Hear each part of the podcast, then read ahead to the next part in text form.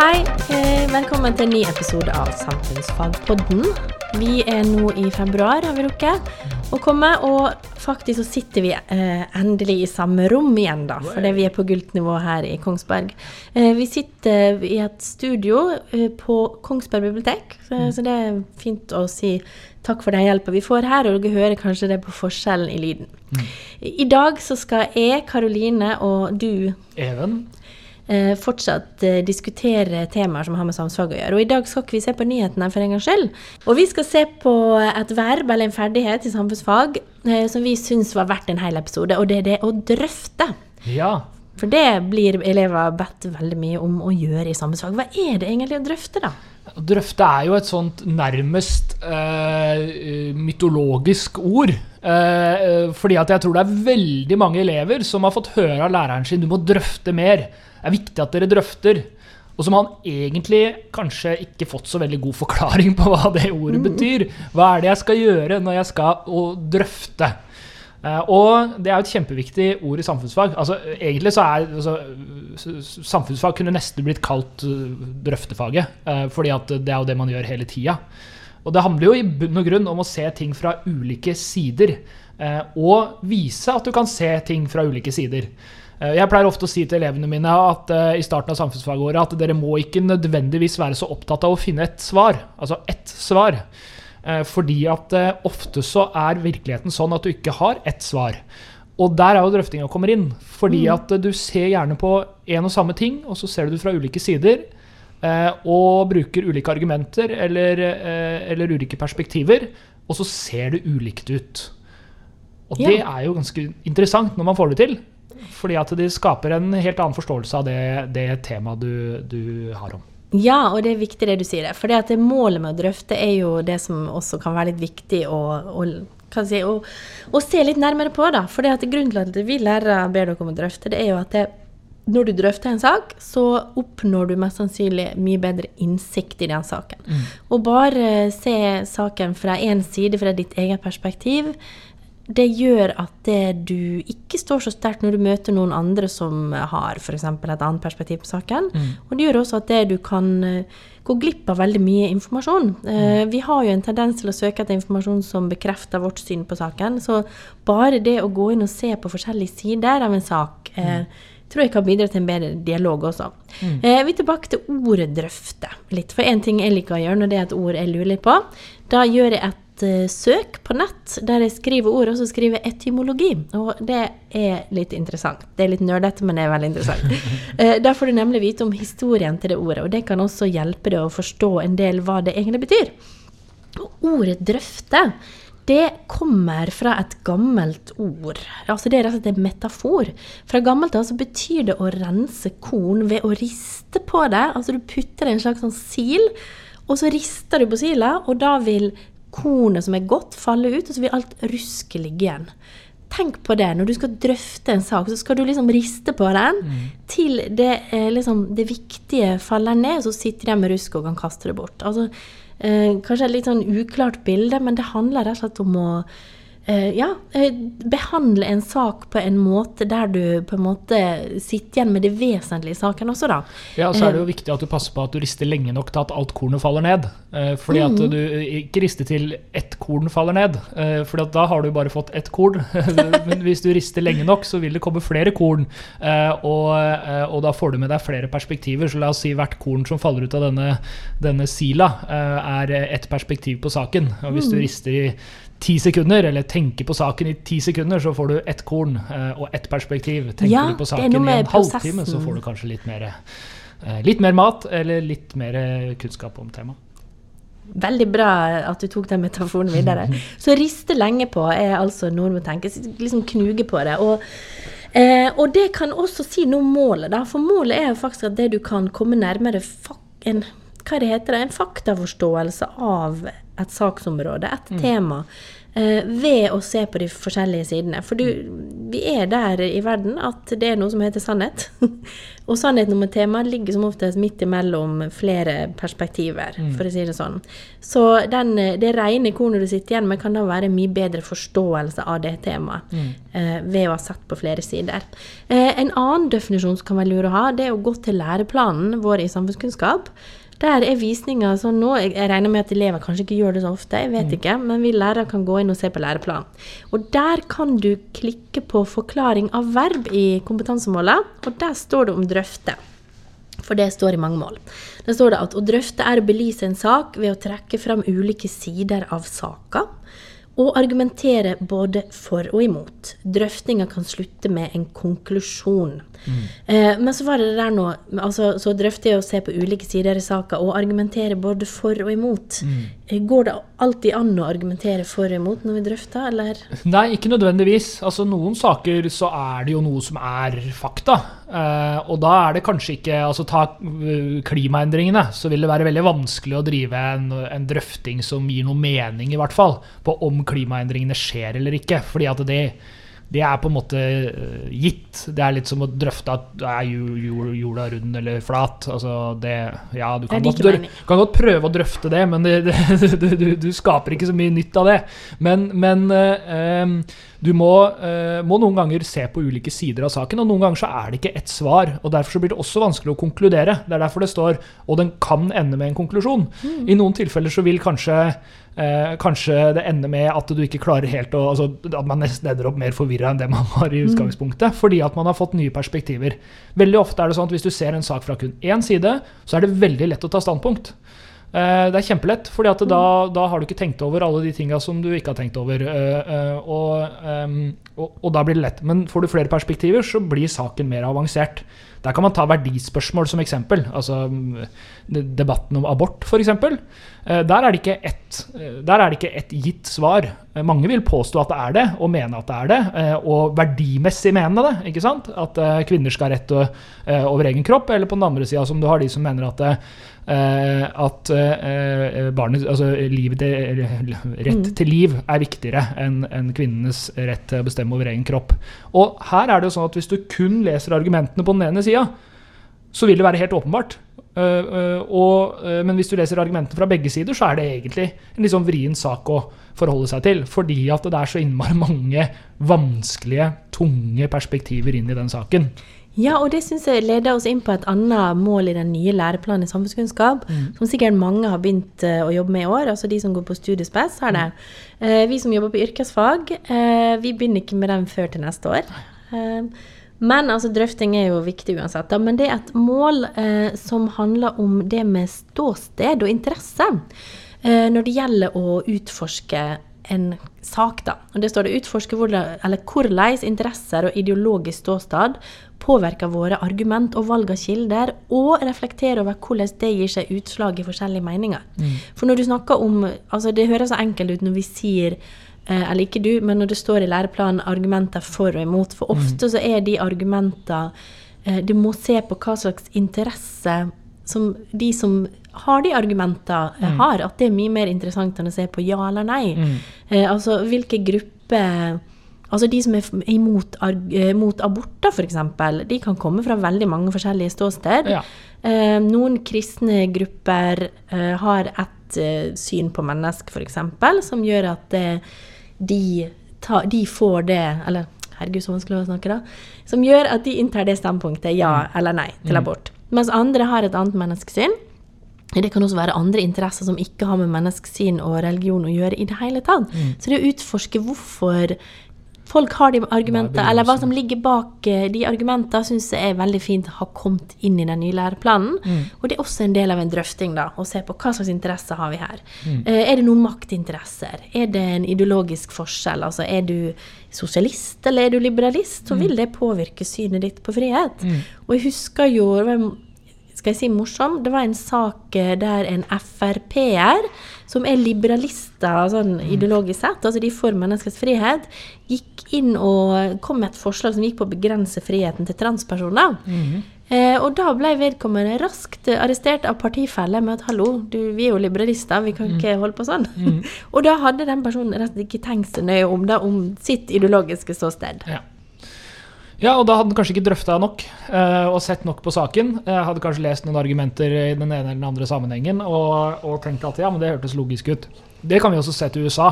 Hvis man ser på en god del av, av de tilhengerne som, som fulgte med eh, inn i The Capital, som vi hadde om forrige episode, så var det mange av dem som fulgte med eh, i den overbevisninga om at dette var rett. Og Hvis du har en, et perspektiv og kun har lest argumenter som tilsier at valget, det var valgfusk, mm. eh, valget blei stjålet, eh, det var urettmessig telling av stemmer Ja, hadde jeg vært 100% sikker på at det var tilfellet ved et valg i Norge også, så hadde jeg også blitt ganske sur og forbanna. Og hadde sikkert vært villig til å gjøre ting jeg eh, ellers ikke ville gjort. Og det er jo tilfellet med mange av disse. Altså, de trodde virkelig på at dette her var uh, korrupsjon, at det var galt. Et urettferdig uh, valgresultat, ja. ja. Men problemet var at de bare hadde lest argumentene fra én side, og ikke sett saken fra flere sider. Og når de ikke har gjort det, så ender de da opp med Og det jo, viser jo hvor langt det kan gå hvis man ikke er evner å, å på en måte drøfte. For én ting er denne eh, altså litt sånn skolske greia med å drøfte, at dere skal gjøre det i en oppgave, eller eller, eller, gjøre det på eksamen og den type ting. Men grunnen til at man lærer å drøfte, er jo ikke for å gjøre, få en god karakter i samfunnsfag eller en god karakter på eksamen. Grunnen er jo at man har bruk for det når man mm. skal ut og leve livet. Eh, og det hadde en god del av de som nå antageligvis angrer fælt på at de, at de var med på å storme The Capital i USA, hadde nok ønska at de hadde fulgt med litt mer i de samfunnsfagtimene og lært seg litt mer om drøfting i forkant. For da hadde de antageligvis endt opp med et litt annet utgangspunkt. Kan godt hende de fortsatt hadde vært sinte og fortsatt ment at Donald Trump burde vært president fortsatt. Helt sikkert. Men de hadde nok ikke endt opp med å storme The Capital. For det, da hadde de skjønt at det var nok motargumenter mot at det valget ikke var fuska med. At, til at det ikke var grunn nok til å storme The Capital. Så, det hadde nok vanna ut engasjementet litt, ja. ja. Men det her er jo typisk for vårt samfunn. At mm. vi har det som kalles ekkokammereffekten. Selv om den er faktisk bestridt, da, hvis det, man skal være kritisk til kilder. Så mm. eh, ja, altså Ekkokammereffekten handler om at det er når du bare hører Eller altså man har fora på digitale med, sosiale medier, digitale plattformer, der du bare møter folk som er enig med deg sjøl, og da mm. møter du ingen motargumenter. Du ser ikke saken fra andre side. Og da blir dine synspunkt forsterka. Mm. Eh, hvis vi sier at den eh, ekkokammereffekten fins og kan påvirke, Eh, så ser vi jo da at vi kommer kanskje aldri eller det blir vanskeligere å få et balansert og nøytralt eller kan si nøkternt syn på saker. Mm. For du kommer aldri til de rene korna. Du sitter med en haug med rusk og korn. Mm. Eh, nei, det var en dårlig den metaforen. Men du ser i hvert fall bare din, eh, det, den ene sida av saken. Og da blir det veldig sterkt. Eh, og du tror at virkeligheten er enkel og svart og hvitt. Mm. Så og da, eh, det, ja. Men det er vanskelig, da, for vi svømmer i så mye informasjon. Mm. Og når du har folk som er motivert, sånn som Trump, da, mm. til å rett og slett drive med desinformasjon, som det heter, og gi mm. feilaktig, løgnaktig informasjon til grupper som er veldig mottakelige for det, mm. eh, da er det veldig mye vi må, den enkelte må gjøre. da. Man må faktisk ta et initiativ for å å oppsøke syn til de mm. som er uenige med dem. Og det er ikke lett alltid, altså. Nei, og det, og det, er jo viktig, og det ligger jo i denne drøftingslæringa i samfunnsfag. Og det er at noen ganger så må du faktisk gå ut og finne ut av hva det andre perspektivet er. Fordi at det ikke bare blir bringt, til deg. Mm. Ditt eget perspektiv blir veldig ofte på internett bringt til deg gjennom disse algoritmene som fungerer sånn at du gjerne får mer av det du allerede liker. Eh, så min Facebook-side er full av det jeg allerede liker. Arsenal f.eks. Masse av det. Eh, fordi at, eh, fordi at, det er ofte ting jeg stopper opp og ser på, leser på og trykker play på videoen på. Fordi at det, det er en interesse jeg har. Og da får jeg jo veldig lite om de andre fotballaga. Eh, så hvis jeg vil finne ut av hvordan det går med Chelsea eller Manchester United, så må jeg oppsøke det helt spesifikt. Og sånn er det også med en god del sånne politiske eller verdimessige saker og ting. Mm. Det er at hvis du eh, stort sett kun eh, er enig med for å ta Miljøpartiet De Grønne da, og trykker veldig mye liker på den type informasjon, så vil du få veldig mye mer av den type informasjon. Og da får du ikke informasjon om det andre. Det er kanskje ikke det verste problemet, for at stort sett så forholder MDG seg til, til fakta. Eh, sånn som de andre politiske partiene gjør. Men så kan du jo eh, ende opp med å komme inn i eh, altså document.no sine, sine eh, spalter, eller inn i sånne type grupperinger som er veldig opptatt av at eh, altså konspirasjonsteorier mm. som at eh, chemtrails eller, eller at smartmålerne som du setter inn i husa dine, overvåker deg, eller sånne type ting. Og da begynner det å bli farlig, for da begynner man å spre desinformasjon. altså ting som ikke er sant. Og Det man må gjøre da, er jo å gå ut av sin, sitt eget hva skal man kalle det, rom mm. i, i, sosiale medier, og så oppsøke det som er utenfor. Eh, og det er kanskje noe av det viktigste man lærer ved å drøfte. For det blir man jo tvunget til i samfunnsfag når vi sier at du skal drøfte. For da må du ta Ok, ja, du har mest sannsynlig ett perspektiv på det, men du må vise til flere. Og da må ja. du helt sånn konkret oppsøke de andre perspektivene for å, for å få dem. Og så må du selvfølgelig utøve kildekritikk, og det er kjempeviktig. Det er ikke bare for at du skal få ei en fin kildeliste, men det er jo rett og slett det der noe med informasjon versus desinformasjon. En god drøfting kan ikke basere seg på feilinformasjon. Det er en total logisk svikt. men igjen, det er kjempevanskelig. Hvis vi tar temaet 5G, da. Jeg så nettopp et mm. kommentarfelt. Eh, det var et lokalt strømselskap som la ut en nyhet om at nå får vi 5G. Og uh, i kommentarfeltet under så ble det en voldsom diskusjon om uh, om konspirasjonsteorier knytta til det med 5G. Mm. Og det var bl.a. noen som sa at eh, koronapandemien skyldtes 5G. Mm. At uh, rett og slett 5G-stråling Eh, førte til at viruset ble danna i cellene. Nå ler jeg, og det er dårlig å latterliggjøre folk. Mm. For jeg tenker at det her kan godt hende et oppegående menneske, men som har da havna i et eller annet ekkokammer, eller en eller annen boble der man har fått en sånn informasjon. Mm. og kanskje det er riktig og viktig å være kritisk til teknologi, til ny teknologi. Mm. Selvfølgelig, som alt annet. Mm. Men så er det det, er kildene godt nok. Og akkurat på 5G-feltet så er det utrolig vanskelig å avsløre de dårlige kildene. Ja. For det, man forkler seg som vitenskapelig institutt og sånne ting. Jeg har dykka en del ned i det sjøl. Mm. Uh, og um, du finner ikke forskning som entydig sier at det her er skadelig. Og mm. spør du en enhver fysiker om 5G, f.eks., så får du et klart svar at den strålinga er svakere enn det du mm. har for en gjennomsnittlig lyktestolpe. Mm. Og det er derfor de har så mange master, mm. fordi strålinga er så svak. Så igjen, det handler om kunnskap og mm. fakta. Eh, en annen ting som er litt interessant, det er det, eller som også ødelegger litt debatten eh, Skal ikke vi snakke om altså Jo, nå snakker vi litt sånn generelt om samfunnsdebatten, mm. men det med drøfting er at det Ofte har vi en tendens til at identiteten din eh, blir en sånn greie som henger med når du diskuterer. At vi har fått en diskusjon som handler om at hvis du mener det, så er du sånn. Mm. Og hvis du mener det, så er du sånn. Mm. Og det kan også føre til mindre nyanser, da. Mm. Eh, for eksempel ja, når det gjelder at man blir stempla som rasist fordi man har et ett synspunkt. Og nå skal mm. ikke bagatellisere eh, hatefulle ytringer, for det er mm. ikke det det er snakk om. Men eh, det er ting man kan være kritisk til uten at man er rasist. Selv om selvfølgelig man skal være forsiktig når det eh, handler om enkeltmennesket. Mm. Eh, og det andre er f.eks. den transdebatten vi har sett eh, rundt JK Rowling. Mm. Det har vært et program i seg sjøl. Fikk jeg en Absolutt. melding.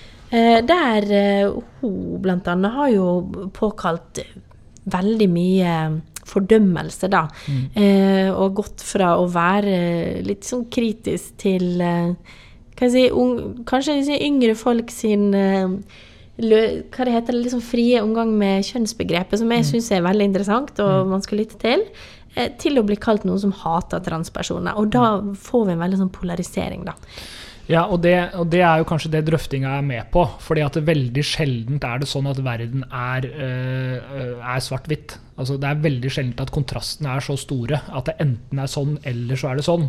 Eh, ofte så finner man løsningen et eller annet sted midt imellom, og det hjelper eh, altså, altså, altså, Kunnskapen, kompetansen og drøfte hjelper oss å på en måte file de kantene litt. sånn at eh, Ikke fordi at vi skal bli mindre kritiske, eller for at vi skal bare lytte på alt vi får fortalt. eller sånn. Nei, akkurat det motsatte.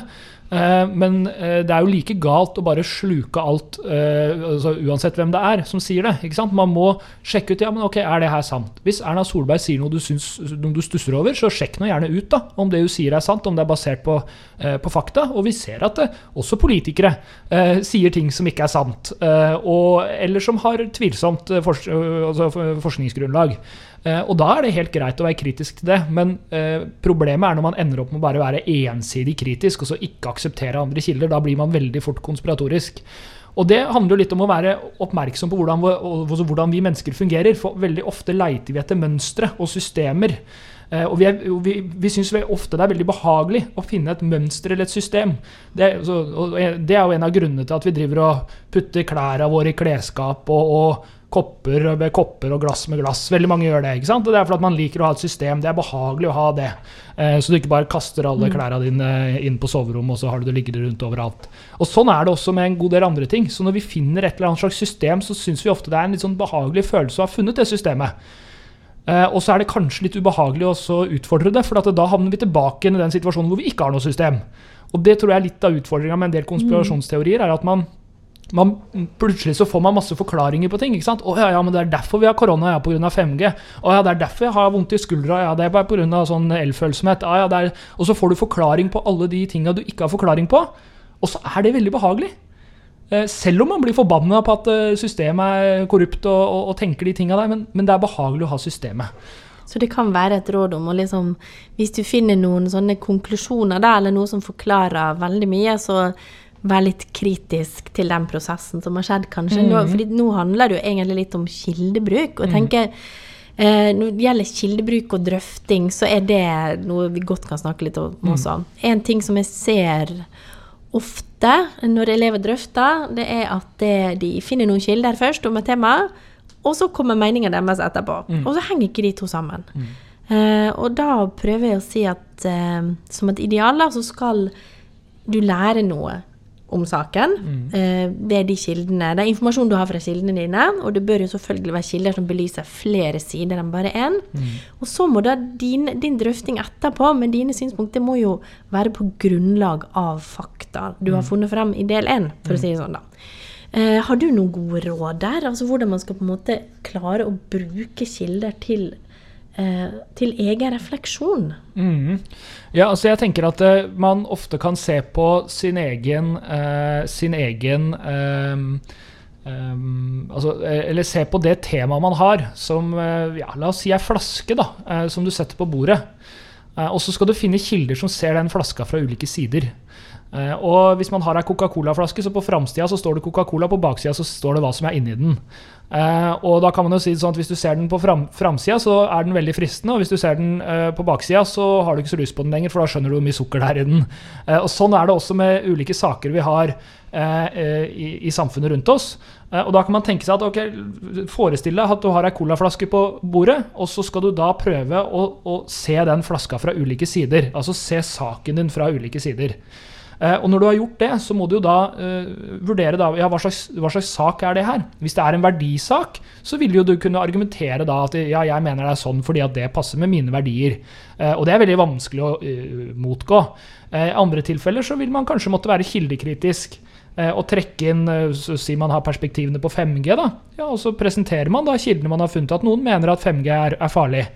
og da, for å komme til en konklusjon, så må man jo da være kildekritisk og si at disse folka som mener det her, dem har nok ikke kildene sine i behold. Men det har de folka som er her. Eh, så da er det kanskje verdt å tro på. ikke sant? Så man må man kan godt bruke dårlige kilder, men man må avsløre kilden i oppgava. da, At det er en dårlig kilde. Eh, fordi at det er på en måte et perspektiv. De som mener noe galt om noe, eller mener noe på bakgrunn av ting som ikke er fakta, det er jo et perspektiv.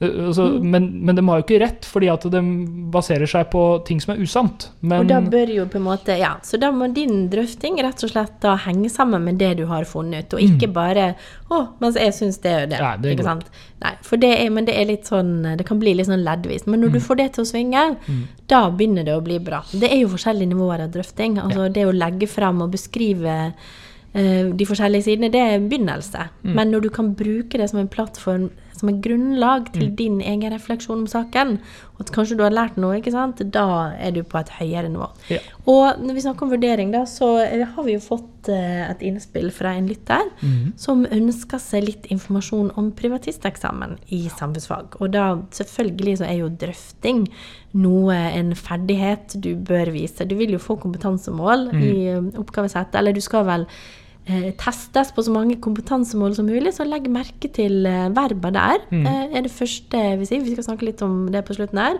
Eh, en annen ting jeg legger merke til den nye læreplanen, er at når du klikker på verbet 'utforske', så vil du se at en viktig del av det å utforske, og det finner vi i mange nye mål, er også å drøfte. Mm. Eh, eh, og undersøke ulike sider av en sak gjennom åpen og kritisk drøfting. Mm. Så den drøftinga, den har du bruk for gjennom det meste.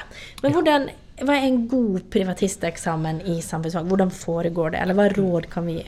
Ja, altså Først og fremst så er jo uh, altså, munt, altså, I samfunnsfag så er det jo muntlig eksamen. Um, og i en muntlig eksamen så vil du i de aller fleste tilfeller måtte uh, legge fram noe.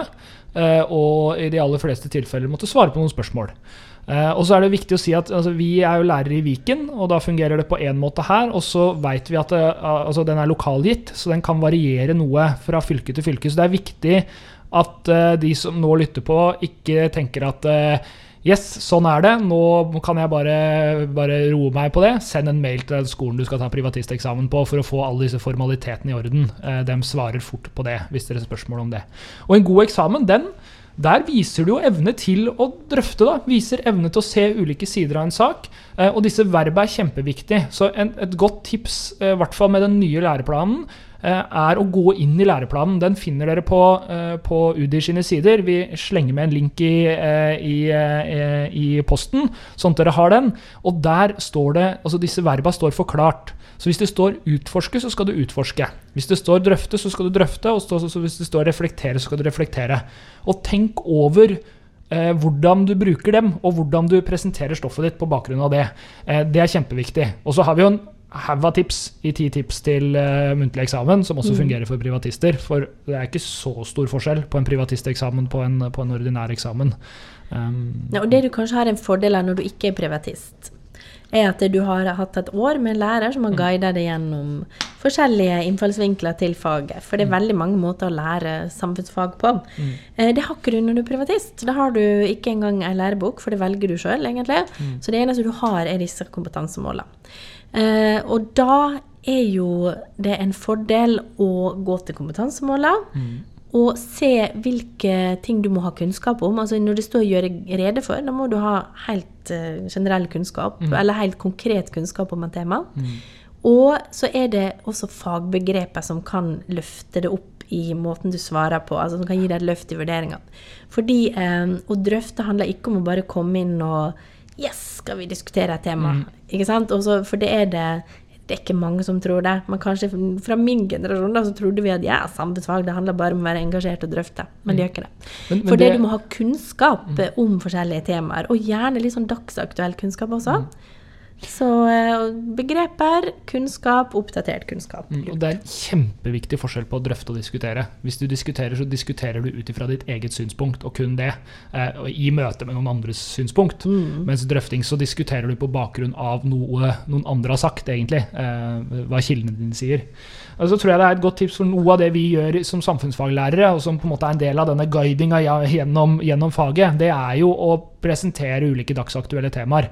Trekke fram nyhetssaker, trekke fram dokumentarer om ulike temaer som man ser. Så det kan være et godt tips. Og, eh, altså NRK har masse bra dokumentarer. Eh, se gjerne dokumentaren eh, Thomas Seltzer har om USA. Eh, se gjerne eh, Folkeopplysningen, som har mye bra. og andre dokumentarserier som ligger der. Det skaper et sånt fint grunnlag og, og et utgangspunkt, og er egentlig en ganske underholdende måte å lære på. Eh, og så er det et sånt nesten ufravikelig krav, og det er å lese nyheter. Eh, det kommer til å bli viktig på eksamen, fordi at hvis du leser nyheter hver dag fram til du skal opp i eksamen, så vil man vite hva som har skjedd det siste, altså nå da, det siste halve året eh, snaut. Ja, og det vil vil du- man ha bruk for. Og også når vi snakker om å drøfte, så vil du også da bli utsatt for veldig mange forskjellige syn på forskjellige saker. For veldig mye nyheter, altså hvis du går til NRK f.eks., så får du ytringer og kronikker med eh, folk sine altså Det folk diskuterer og argumenterer fra ett ståsted. Så ta det gjerne tid til å hvis du ser at her er det en heftig debatt om et eller annet, så tar det tid til å lese litt forskjellige mm. kronikker og ytringer fra forskjellige ståsted. Altså, viktige saker som har blitt drøfta i år. eh, Hva skal vi si? Jo, selvfølgelig rasisme og Black Lives Matters. Eh, og se litt forskjellige mm, syn på det. Altså korona. Koronapandemien. Ja, og, og liksom veldig mye sånn økonomisk politikk. Der det kan være lett at eh, rullegardina glir ned, da. Men Mm. Det er Hvis du leser veldig sånne engasjerte innlegg, gjerne fra politikere og sånne Mm. ting, så får du også forskjellig ståsted der. Et fint sted å gå kan jo også være Debatten på NRK. Eh, Der ligger jo alle debattene som har, ligget, eh, altså som har vært det siste året. Mm. Veldig mange av dem handler om det samme temaet. Der kan man kanskje plukke fire, fem, seks, sju forskjellige og, og kikke på dem. Kan være veldig fin læring eh, for å se ulike perspektiver. Og der er det jo på mange måter Veldig ofte er det jo en drøfting i seg selv, det som foregår der. Fordi at ofte så er de som er med på debatten, ikke alltid, men ofte så er det folk som forholder seg til, til virkeligheten og ikke til andre ting. Så har du Ja, og så blir de noen- arrestert hvis de ikke gjør Ja. det, da. Det er viktig. Og eh, en annen ting som eh, kan være greit, er det der noe med interessegrupper, hvis du tenker på korona. Mm. I går på Debatten, var ikke det i går eller forgårs, så ble jo ungdom som gruppe og hvordan den har blitt behandla under, mm. eller konsekvensen for ungdom, eh, ungdom av eh, koronanedstenginga, dratt fram. For det er jo ei gruppe som Altså, ungdom er ikke veldig aktive i å ytre seg. Mm. Og der ble det perspektivet trukket fram. Det er kanskje andre grupper som har vært mye mer høylytte. Altså næringslivet, f.eks. Jeg skal ikke si noe om dem. Men de har vært veldig tungt til stede i media med å si, eh, snakke om sine interesser. Mens ungdom over hele landet har eh, nå kan jeg si at det har hatt ganske alvorlige konsekvenser av det å bli kutta fra det sosiale samspillet i mye større grad. Og det, da er det perspektiv som kommer frem veldig fint. Så tips til muntlig eller til privatisteksamen. Eh, kontakt skolen du skal ha eksamen hos, og spør hvordan den kommer til å fungere. Les nyheter, eh, sjekk ut dokumentarer, sjekk læreplanen, eh, og kikk gjerne litt ekstra på verba i den. Eh, og så er det helt sikkert en fordel å lese eh, samfunnsfagboka. Eh, da får man en grei innsikt.